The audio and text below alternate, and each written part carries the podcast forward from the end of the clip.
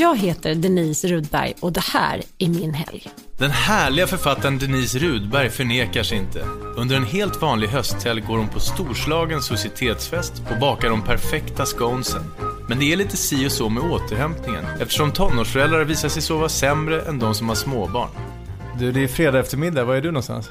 Jag befinner mig just nu på Ejes chokladfabrik på Erik Dahlbergsgatan. På Gärdet i Stockholm om man nu ska vara så. Ja, För det är inte på andra- riktigt Östermalm Nej, är det är andra sidan Vallallavägen. Hur känns det då? Gått över? Ja, det känns pikt. Du, det här Ejes choklad återkommer ganska ofta om man har koll på ditt liv. Hur kommer det sig? Ursprunget är ju från början, inspirationen är att jag gick alltid förbi där när min, jag följde med farmor till jobbet. Och då fick jag alltid välja några chokladpraliner för att hålla tyst under dagen, vilket funkade ganska bra. Men det här inspirerade mig, så när jag började skapa då den här Marianne Gidoff, som är min liksom, stora hjältinna i mina deckare, så var jag tvungen att ge henne en hel del laster. Och eh, hon har ju ganska många laster. Hon älskar ju att stå och röka under köksfläkten och sen så äter hon lite för många av de här chokladpralinerna just från IS. Och så dricker hon gärna rätt mycket vin till. Mm. Jag står ju utanför och säljer mina böcker och signerar. Så det är kö runt kvarteret för att eh, Ejes har ju jagat på det här eventet jättestort. Så att jag säljer ju kanske fem gånger så mycket böcker under de här signeringstillfällena än en vanlig Är det medvetet att du inte står i Tumba på Akademibokhandeln utan Ejes på Östermalm just med dina Nej, Men jag tror att det är liksom mixen av event. Att man ändå kommer dit och så får man smaka Maria Gidoffs favoritpralin och sådär. Det kommer ju liksom folk från Finland bara för att köpa den här pralinen. Det är ganska häftigt. Så det är inte den här pinsamma väntan som på signeringar där man får sitta liksom och titta upp på himlen och så, utan Den här evighetsväntan. Nej. Och sen kommer det äntligen fram en glad herre och frågar var linjalerna finns. inte Va? så den här gången. Nej. Åtta steg bakom heter nya Marianne Gidoff-boken. Vad handlar den om? Upptakten är ett gammalt försvinnande. En majkväll, en lördag, en varm, het lördag 1988 så går ett societetsbröllop av stapeln i Stockholm ute på Djurgården. Och under bröllopsfesten så försvinner yngsta dottern i familjen och återfinns aldrig. Alltså jag inleder alltid varje helg med att gå och köpa snittblommor. Och det finns en väldigt dyr blomsteraffär på Östermalm som jag försöker undvika. Så att jag väljer Östermalms torgs torghandel som jag älskar.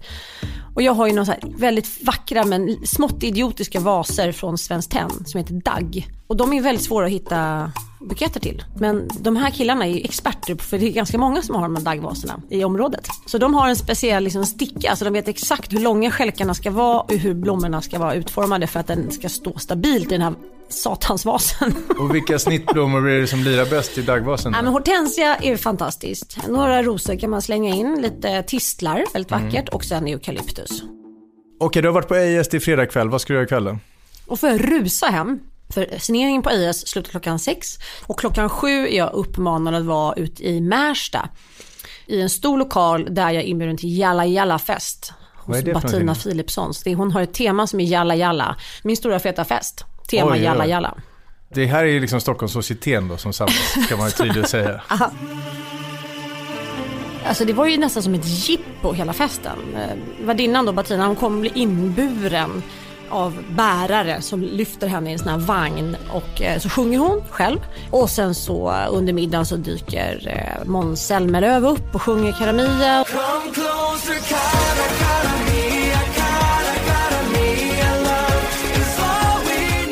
Och sen är det Sean Banan som är där och drar av värsta numret. Alltså det var grejer som händer hela tiden. Och Sonja Aldén kör något superrace. Och, ja, det är liksom, det är späckat schema. Superkul. För att du finns, för att du kan Du leder vågorna mot land Du river murarna mot världen Hur är du när du går på fest? Ja, men jag har ju några olika lägen. Jag brukar ju kokettera med att jag är en person som är social men inte gillar att umgås. Och här ska jag gå dessutom på fest utan Henrik för han är borta på golfhelg. Och det är ju alltid lite så här, oftast är jag inte så laddad då inför det. Men jag vet att jag alltid tycker att det är kul när jag är på plats. Men den här gången så har jag jäkligt trevlig bordsherre och eh, sitter och pratar om smarta saker. Vem är det då? Han heter Harald Mix. Eh, Känd finansman. Ja, exakt. Och Hans fru har hotellet Ett Hem.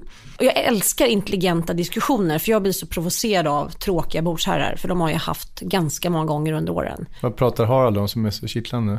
Men han har också rätt bra koll på det här med barn och uppfostran, om idr- alltså idrottens inverkan på inlärning och som jag älskar. Jag tror ju mycket på att idrotten kan bota det mesta. Ja, men man känner att man får vässa svaren lite när man pratar med honom, det gillar jag. Vad är skräckbordsherren då? Ja men det är ju man, 40 till 55 skulle jag säga.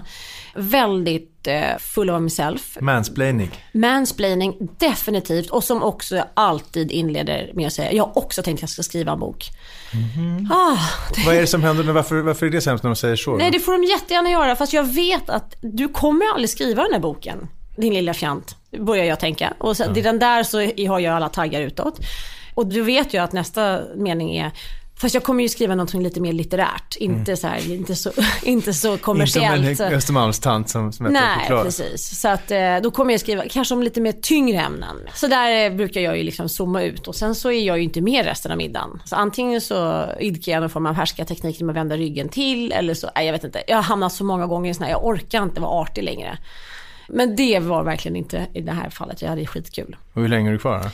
Jag ringer en taxi 10-12 för det är ju så att jag har fyra tonåringar hemma själv. Vi hade faktiskt eh, tonårsvakt också. För sig, Inte barnvakt så som man hade när de var mindre. Men nu är jag tvungen att ha någon som var hemma och kolla. Men fyra barn, och hur många av dem är dina? Hur liksom, du har ju... Ja men precis, jag har ju två då som är 14 och 16 och sen så har Henrik två som är 12 och 15. Så vi Just har ju en von Trapp-familj. Och den här helgen är alla hos dig? Ja, Härligt. och dessutom hade vi två polare som sov över till dem också. Så vi var ju sex teens i lägenheten. Så det var överallt så hörde man såna här eh, luftmadrasser som gick åt helsike. Du vet, med så här baksug så låter det jättekonstigt. Lördag morgon, vad händer? Då kommer min son in till mig. Han är ganska morgonpigg fastän han är 16. Så säger han så här, får jag scones idag? Inte ens på ett trevligt sätt, snälla mamma kan du göra scones? Men jag är ju så blödig just för bakverk och sånt. Är du en riktig bakmamma? Ja men det här är så tråkigt, jag älskar att baka och gör det jättegärna och mina barn är generellt så otacksamma. Så när jag säger så här, nu ska jag göra kanelbullar, de bara, åh men gud vad äckligt, vi vill ha pågens kanelsnäckor. Eller något annat så här det är de man köper på 7-Eleven. Ja, exakt. De är goda. Men, äh, jo, tack Hugo. Men de eh, tycker det är helt ointressant att jag bakar. Alltså fullständigt. Så att när min son kommer in, även fast klockan är 8.30 en lördag morgon och säger, kan jag få scones? Inte ens tack eller snälla. Så skuttar jag upp och gör scones här perfekta i små muffinsformar. Man, minsta kontakt med en tonåring just nu blir man ju liksom väldigt glad för.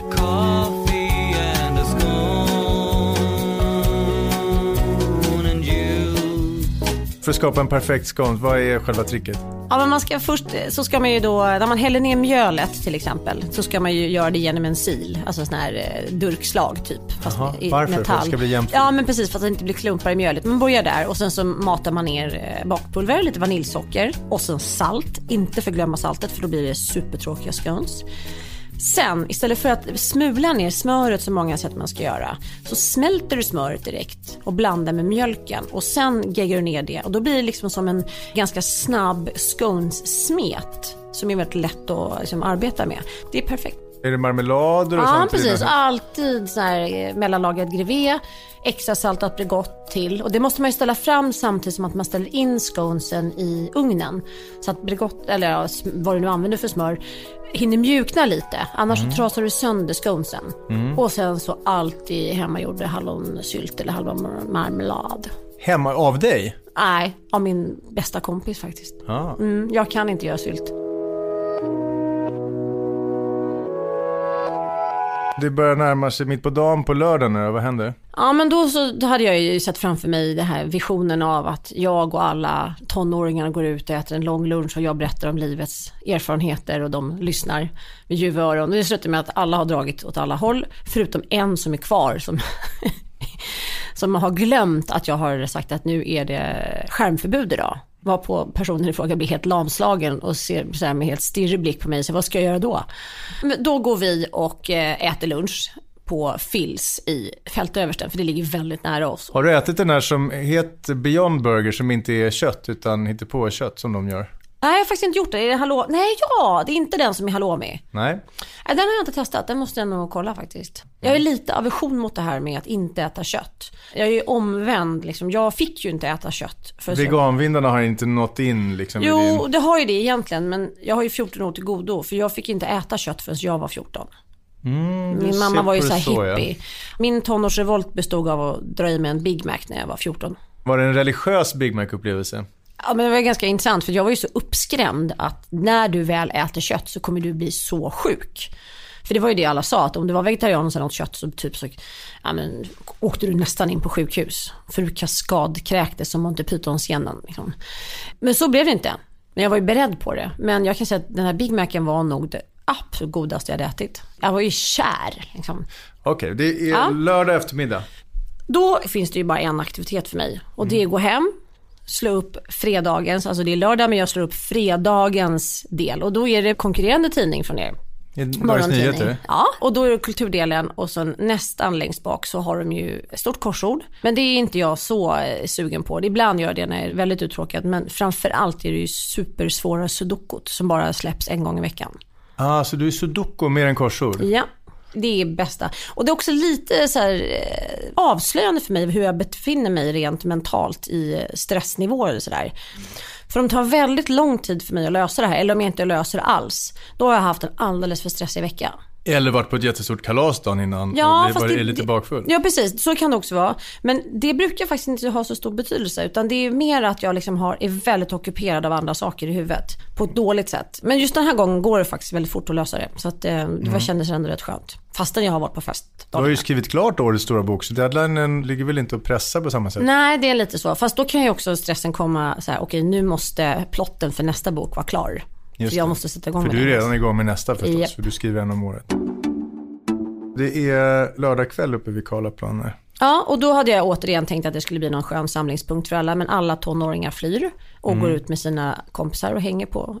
ah, vi kanske ska äta middag på Sandys. Eh, Subway och grejer. Ja, det är jättemysigt. De har så härligt så. Och då är den yngsta kvar med mig igen. Och vi stirrar på varandra. Och så sa vi, vi kanske kan gå och köpa kyckling så vi kan göra dragonkyckling. Och så tycker vi att det känns jättejobbigt att gå och handla. Så då tar vi ett enkelt beslut och säger nej, vi går ner till Broms och köper köttbullar. Färdiglagade köttbullar. Katastrof, men det var det vi gjorde. Katastrof gott också. Det är ju fantastiskt god hämtmat där, så det är ju aslyxigt. Och sen så har han hittat en ny serie som han inviger mig i, som heter Lucifer, som handlar om att djävulen är någon karaktär i någon detektivduo. Och på Påminn- Netflix eller Ja, Netflix. Och den, alltså den är amerikansk? amerikansk. Den är faktiskt väldigt otippat rolig. Påminner mig lite om den här gamla Par i brott. Ja, med Bi- Bruce Willis. Bruce Willis ja. Ja. just det. Och hon Sybil Shepherd. Exakt. Det, man har så här retfull ton hela tiden mellan varandra. Och sen så börjar eh, den här yngre killen då fråga mig hela tiden, så sover du Dennis? För han kallar mig för Dennis. Nej, nej jag sover inte. Det är klassikern. Och då har jag sovit sedan halv nio tror jag. Så att, eh, jag fick en riktigt god natt sen. Men eh, det är ju ganska bra för att när klockan närmar sig tolv hemma hos oss en helgkväll, då är ju vaktchefen inställd. Så att eh, när barnen var små så var jag ju uppe jämt när man ammade och de skrek och hade feber och liksom, då sov man ju kanske ja, men en och en halv timme i taget. Så är det även att vara tonårsförälder. Så du sover ganska lätt den här natten helt enkelt? Ja, jag gör ju inte det numera. men, för det gjorde man ju när barnen var små. Nu sover jag tungt men har alarmet på varje timme. För alla har olika hemtider. Jaha, du har verkligen satt ditt eget alarm så Ja. du vaknar ut. Du sitter Ja, du ute med bössan då och väntar vi, eller ligger du och väntar? Nej, Hur? nej, då ligger jag i sängen och sen, men jag måste ju sätta alarm liksom och se så att de kommer. Så jag har ju alarm som är så här, om jag en så ska vara hemma 12 då, då har jag alarm 11.55, 12.00, 12.05. Och så har jag dessutom satt på skallarmet så att jag kan logga när de exakt kommer hem, för då förs det i larmets loggbok. Ja, det här låter som en militärskola. Det. Inte helt avslappnad. Och sköter de sig då? Ja, de är faktiskt jätteduktiga. Vi är ganska generösa med tiderna av den Ja, anledningen. Det är bättre att, är bättre att de kommer hem i tid än att de bara ringer. För ett tag så hade vi, jag var sträng med min son och bara, du måste komma hem tidigare än alla andra och sådär. Då ringde han ju och tjatade istället då på nätterna. Då blev ju det väldigt utmattande. Så att, eh, när jag väl får sova sen då klockan typ 2.30, då är jag ju helt slut. Och då är det dessutom återigen någon polare som sover och någon luftmadrass som ska blåsas upp. Det är söndag morgon på Östermalm i Stockholm. Ja, då har jag återigen satt alarm, men denna gång för att gå och träna. Jag försöker gå vardagsmorgnar ungefär fyra gånger och sen en gång på helgen. Och Det är ambitiöst. Ja, det är väldigt ambitiöst. Och det är fruktansvärt jobbigt. Det är lite som en sån här tortyrmaskin som jag håller på med. Lagré heter träningsformen, men ursprunget är en pilatesmaskin. Så att det är en plattform som rör sig mellan två fasta plattformar. Kommer du ihåg, det fanns ju så att eh, hjul i TV-shop. som man skulle rulla framför sig för att träna magen. Absolut, fram och tillbaka. Man rullar ut kroppen och sen tillbaka kroppen. Jag minns Exakt. exakt. Ja. Utgångspunkten är väldigt mycket det. Så att du liksom ska hela tiden balansera och arbeta med liksom coren, alltså magmusklerna. Och sen så gör man då 50 minuter utan vila, massor med olika övningar. Så man är helt ledbruten efteråt. Och du gör exakt samma det här varje dag, hela vardagarna. Blir det inte tråkigt då? Ja, jag är ju en sån som tycker att det är väldigt roligt att göra samma sak hela Men tiden. du är ju en löpare, du har sprungit Ja. Stockholm Marathon vet jag sånt. Exakt, och det gjorde jag ju bara då. Och nu gör jag bara det här. Ja, okej, det har du lagt av med helt enkelt. Ja, jag gjorde faktiskt det efter maraton, för då hade jag kört det lite för mycket. Och så fick jag ju någonting som charmigt som bältros efter att jag hade kört maraton. Det är sånt som Eh, gamla farbröder brukar Och det få. yttrar sig att man får röda utslag lite. Ja, som en väldigt så här, en exakt triangel ovanför ena höftbenet. Det här är väldigt intressant. Jag ska inte visa någonting nu, men jag springer ganska mycket och det kliar så in i helvete på ett ställe på höften och det är röda konstiga märken. Är det alltså en potentiell bältros som jag har? Ja, det kan det vara. Och det är oftast för att man har liksom gått ner för hårt på liksom kroppens depåer. Att man är ganska, Kliar bältros? det kliar jättemycket. Och sen får man även kroppsvärk efter. Åh herregud, ja då vet jag. Then Vet you jag. know. Men det har inte släppts. Det här är fortfarande återkommande ibland. Den här kroppsvärken kommer tillbaks för mig ibland när jag blir för trött. Sen kommer Henrik hem från sin golfhelg. Henrik, din man, Nej, han är inte min man. Han är min sambo. din snubbe. Min snubbe. Jag brukar säga snubbe, det tycker jag låter roligare. Sambo låter så fruktansvärt obehagligt. Ja, han kommer hem mitt på dagen på söndagen. Exakt. Och då är jag rätt slut efter att ha liksom rattat fyra stycken, ibland sex stycken tonåringar hemma. Så då bara lägger jag mig i soffan och kör två timmars eftermiddagsnap. Så får han ta över helt Ja, och innan dess har jag faktiskt dessutom också tvingat iväg min dotter på en långpromenad. Och lurade henne att vi skulle ta korta varvet på Djurgården. Men hon pratade så mycket så att jag fortsatte bara att gå när vi kom till Djurgårdsbrunn och så bara fort, oj vi skulle inte gå långa varvet. Oj då, så. Mysigt. Vad Ja, ni om då? Ja, men då berättar hon om allt som har hänt i skolan. Och det är också det som är lite så här, det är så lyxtid att få till. Precis som då ena sonen kommer och ber om scones så är man så glad för att få göra någonting. Man tar Och allt man Ja, men, lilla harmstrået. Och det är lite samma sak här. När de öppnar sig så är det rätt mysigt att få höra. Liksom. Sen tycker jag det är rätt kul. Jag känner alla hennes kompisar. Vi är lite så här sambandscentral hemma hos oss. Det är alltid väldigt mycket unga där. Liksom. Och det är jag så tacksam över, för det hade vi inte när jag växte upp. Det var ingen som kom hem till mig av flera olika anledningar. Det var liksom, när jag blev intervjuad av Kristoffer Triumf så försökte han beskriva det som att jag, jag ser det framför mig som att persiennerna väldigt ofta var neddragna när ni bodde. Ja, det var precis så. Det var alltid neddragna persienner. Och sen eh, den personen som min mamma levde med, han hade skorpioner. Vilket gjorde att det var också så här, det var ju inte superkul för mina kompisar. Och så var ett tillfälle var det åtta styck, äh, tio stycken och åtta rymde. Det är inte så kul. Vad är Jerry? Som en skräckfilm.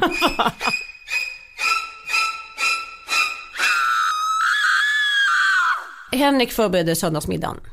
För han är ju den som lagar mat hemma hos oss. Jag storhandlar och gör allt sånt där annat praktiskt. Köper Men- snittblommor. Kö- ah, vet du vilket jobb det är med detta? Jag kan stå i två timmar när jag håller på. Mycket ansträngande verksamhet. Men eh, när Henrik kommer hem, då är det liksom långkok som gäller. För han är också så här, allt ska göras från scratch. Han har, Jag tror aldrig han har köpt en knorrsås i hela sitt liv. Men jag blir nästan liksom irriterad över ambitionen ibland. Och får du vara med och hacka någonting eller du, håller du På därifrån? nåder, ska jag säga. Han har inte stort förtroende för mig.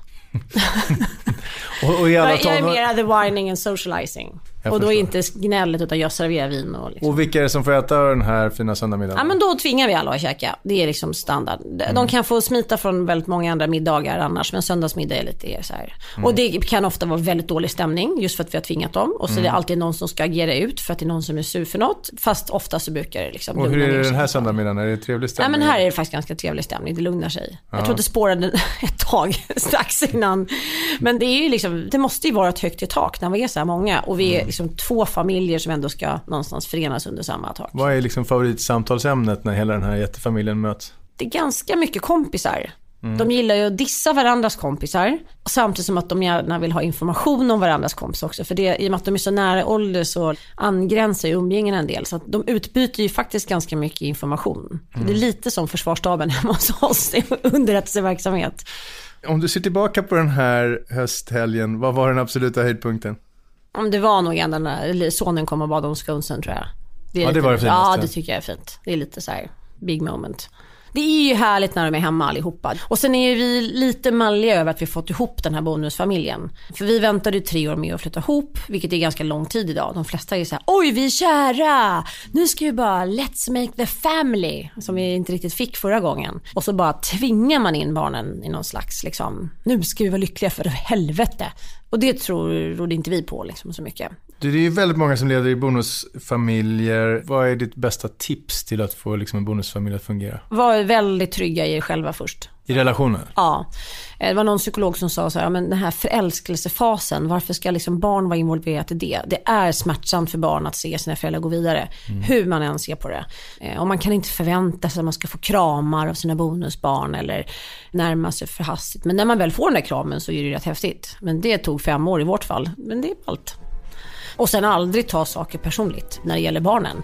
För de kommer ju testa och säga att du är en tönt och ett as. Och, alltså de slår ju så hårt under bältet som de bara kan. Om de känner att det finns utrymme. Och då får man ju bara garva lite. Jag som ställde frågorna heter Hugo Renberg och producent var Klara Wallin.